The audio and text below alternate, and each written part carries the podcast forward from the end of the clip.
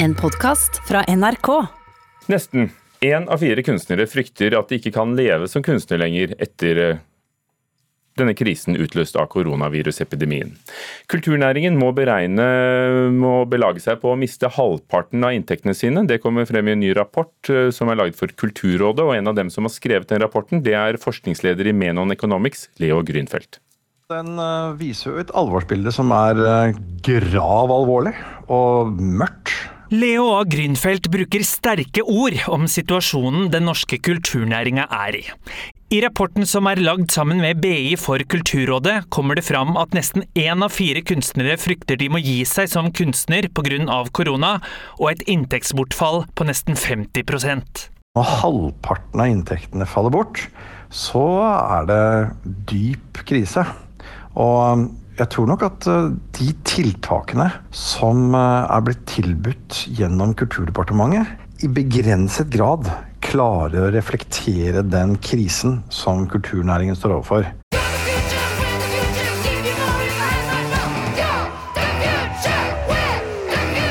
Artisten Mariann Thomassen er kjent for bl.a. hiten The Future, men også hun mener framtida for kulturnæringa er mørk og uviss. Det er fullstendig krise i kunst- og kultur-Norge i dag. Det er ingenting som kommer inn, og men en del som skal ut, og ikke får eh, nok i støtte for å klare seg. Og noen har til og med ansatte og så skal de begynne å betale ut feriepenger. Da er du dømt nord og ned. Det har, det har man rett og slett ikke råd til for å klare seg. Da, rett og slett. I rapporten kommer det også fram at de offentlige tiltakene blir benyttet av et fåtall frilansere og selvstendig næringsdrivende i kulturbransjen.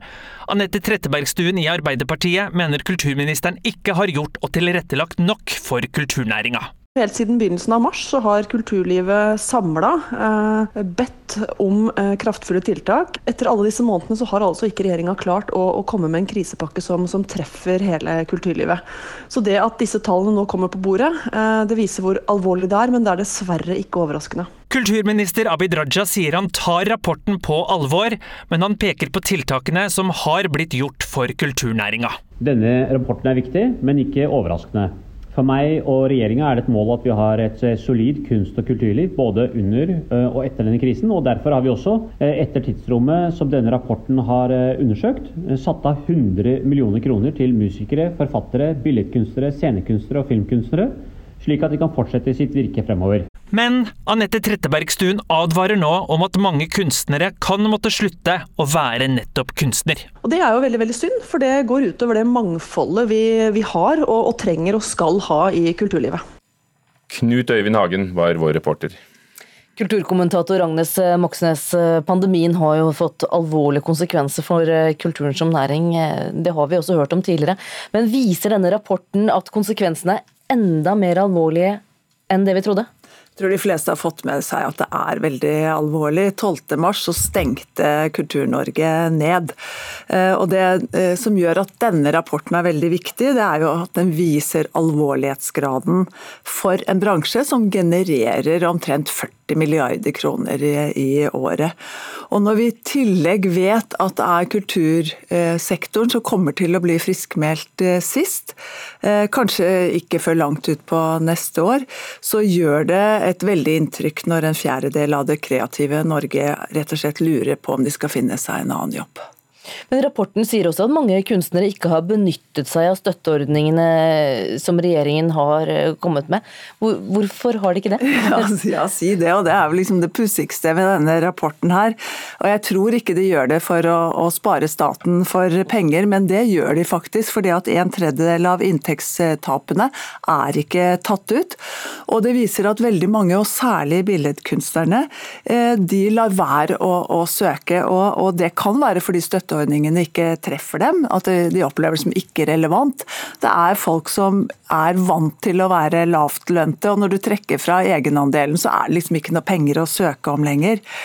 Men det kan nok også si noe om at en merkelig stor del av kunstnerne i liten grad oppfatter seg selv som, eller definerer seg selv som næringsdrivende, og at de derfor er veldig mye bedre til å søke på stipender enn støtteordninger, andre støtteordninger. Men Vil du si at kulturministeren har gjort nok for å hjelpe kunst- og kulturarbeiderne i Norge? Altså Abid Raja kom litt sånn haltende og, og, og, langsomt i gang. og Det må jo sies at han var en nykommer på kultur- og idrettsfeltet da han ble kulturminister, eller da, han, da koronaviruset slo til eh, for fullt. Eh, men jeg mener nok at man først kan se når koronaen er nedkjempet, om han har vært en god eller dårlig kulturminister. fordi at hvis en fjerdedel av kultursektoren er borte, da står Abid Raja til stryk. Men det har jo nå vært flere digitale løsninger i, et forsøk på å fortsette å gi folk et tilbud. Det har vært bl.a. strømmekonserter. Men disse løsningene de, de, har ikke kompensert noe særlig for um, det tapet som, som bransjen opplever rent økonomisk, ifølge denne rapporten. Hvorfor ikke det? Det er egentlig det som overrasker meg mest av alt. For man skulle jo tro at når lyset ble slått av i teater- og konsertsalene, så ble det slått på i den digitale verden, og at noen så muligheten til å ta opp kampen med de store internasjonale nettstedene som Facebook og, YouTube.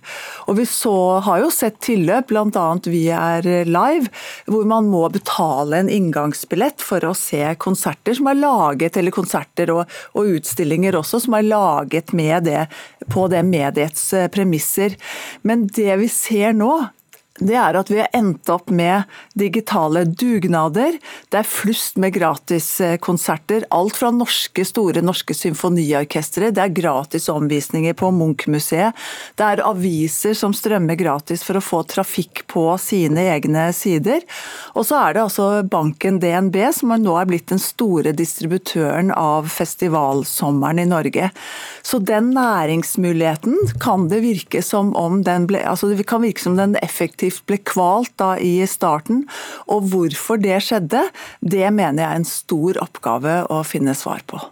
Takk skal du ha, kulturkommentator Agnes Moxnes. Torsdag skjer det denne uken.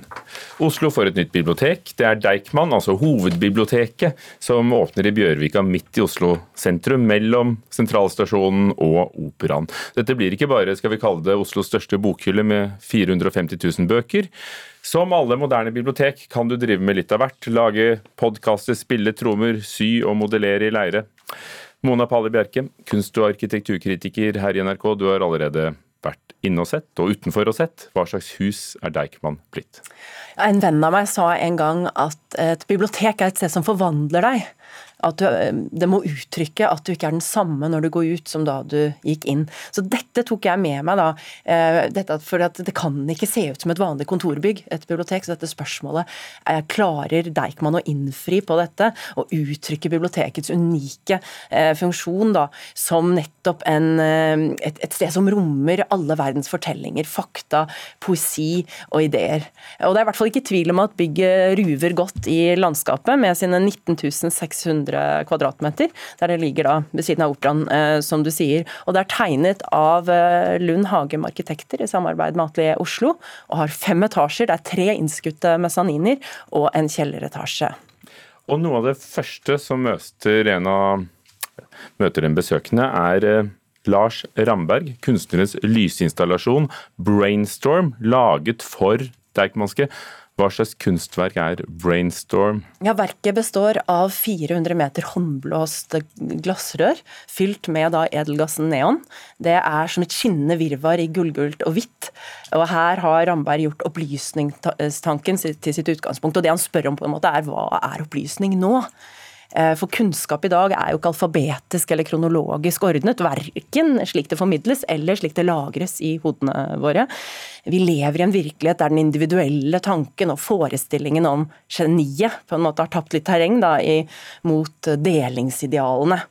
Eh, så dette er jo på en måte, viser jo hvordan på en måte med lysets hastighet ord, toner, tanker bæres ut med optiske kabler ut i den store verdensveven.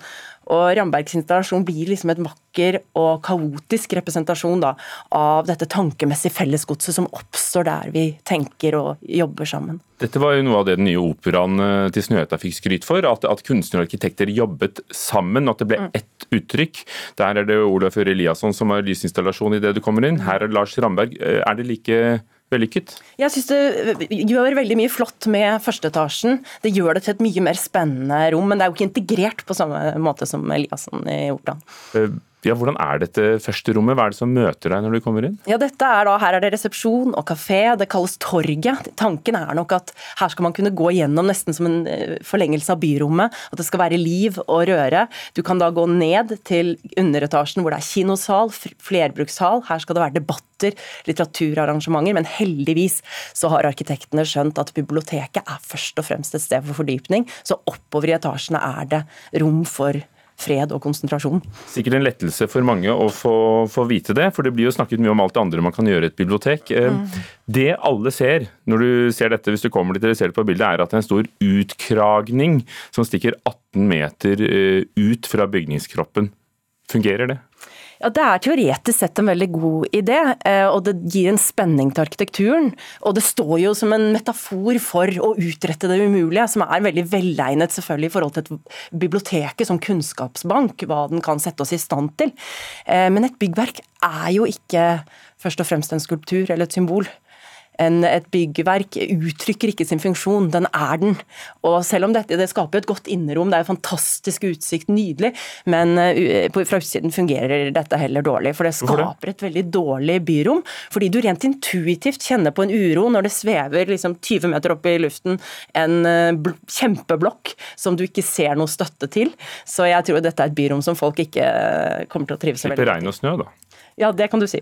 Hvis du skal konkludere. Det nye Deichmanske hovedbibliotek, som vi pleide å si, eller bare Deichman som de liker at vi skal si nå? Ja, så er Problemet i hvert fall ikke at det går i ett med omgivelsene, eller at det ligner på et vanlig kontorbygg. Det har veldig flott og storslagen metaforikk, det er fantastiske innerom. Det er dessverre fasadekledningen som jeg opplever effektivt punkterer det hele. Altså Bygningen er dekket av smale, gråhvite paneler som ligner pleksiglass eller plast. Og det er da eh, del av, så det er en veldig formildende omstendighet, del av en sånn eh, innovativ passivhusteknologi som gjør det til et veldig veldig energieffektivt eh, bygg. Eh, men likevel så ser det rent estetisk litt sånn plastikkaktig og kjipt ut, syns jeg. Og dette syns jeg fratar bygget den verdighet og tidløse varighet som jeg mener bør prege et bibliotek. Takk skal du ha, kunst- og arkitekturkritiker Mona Palle Bjerke. Anmeldelsen din eh, kan man også finne på nrk.no, så da går det an å fordype seg og se bilder. Og så åpner Deichman Bjørvika på torsdag klokken 17, eh, og alt overføres selvfølgelig direkte, for det er ikke mulig å være så mange til stede lenger. Du har hørt en podkast fra NRK. Hør flere podkaster og din NRK-kanal i appen NRK Radio.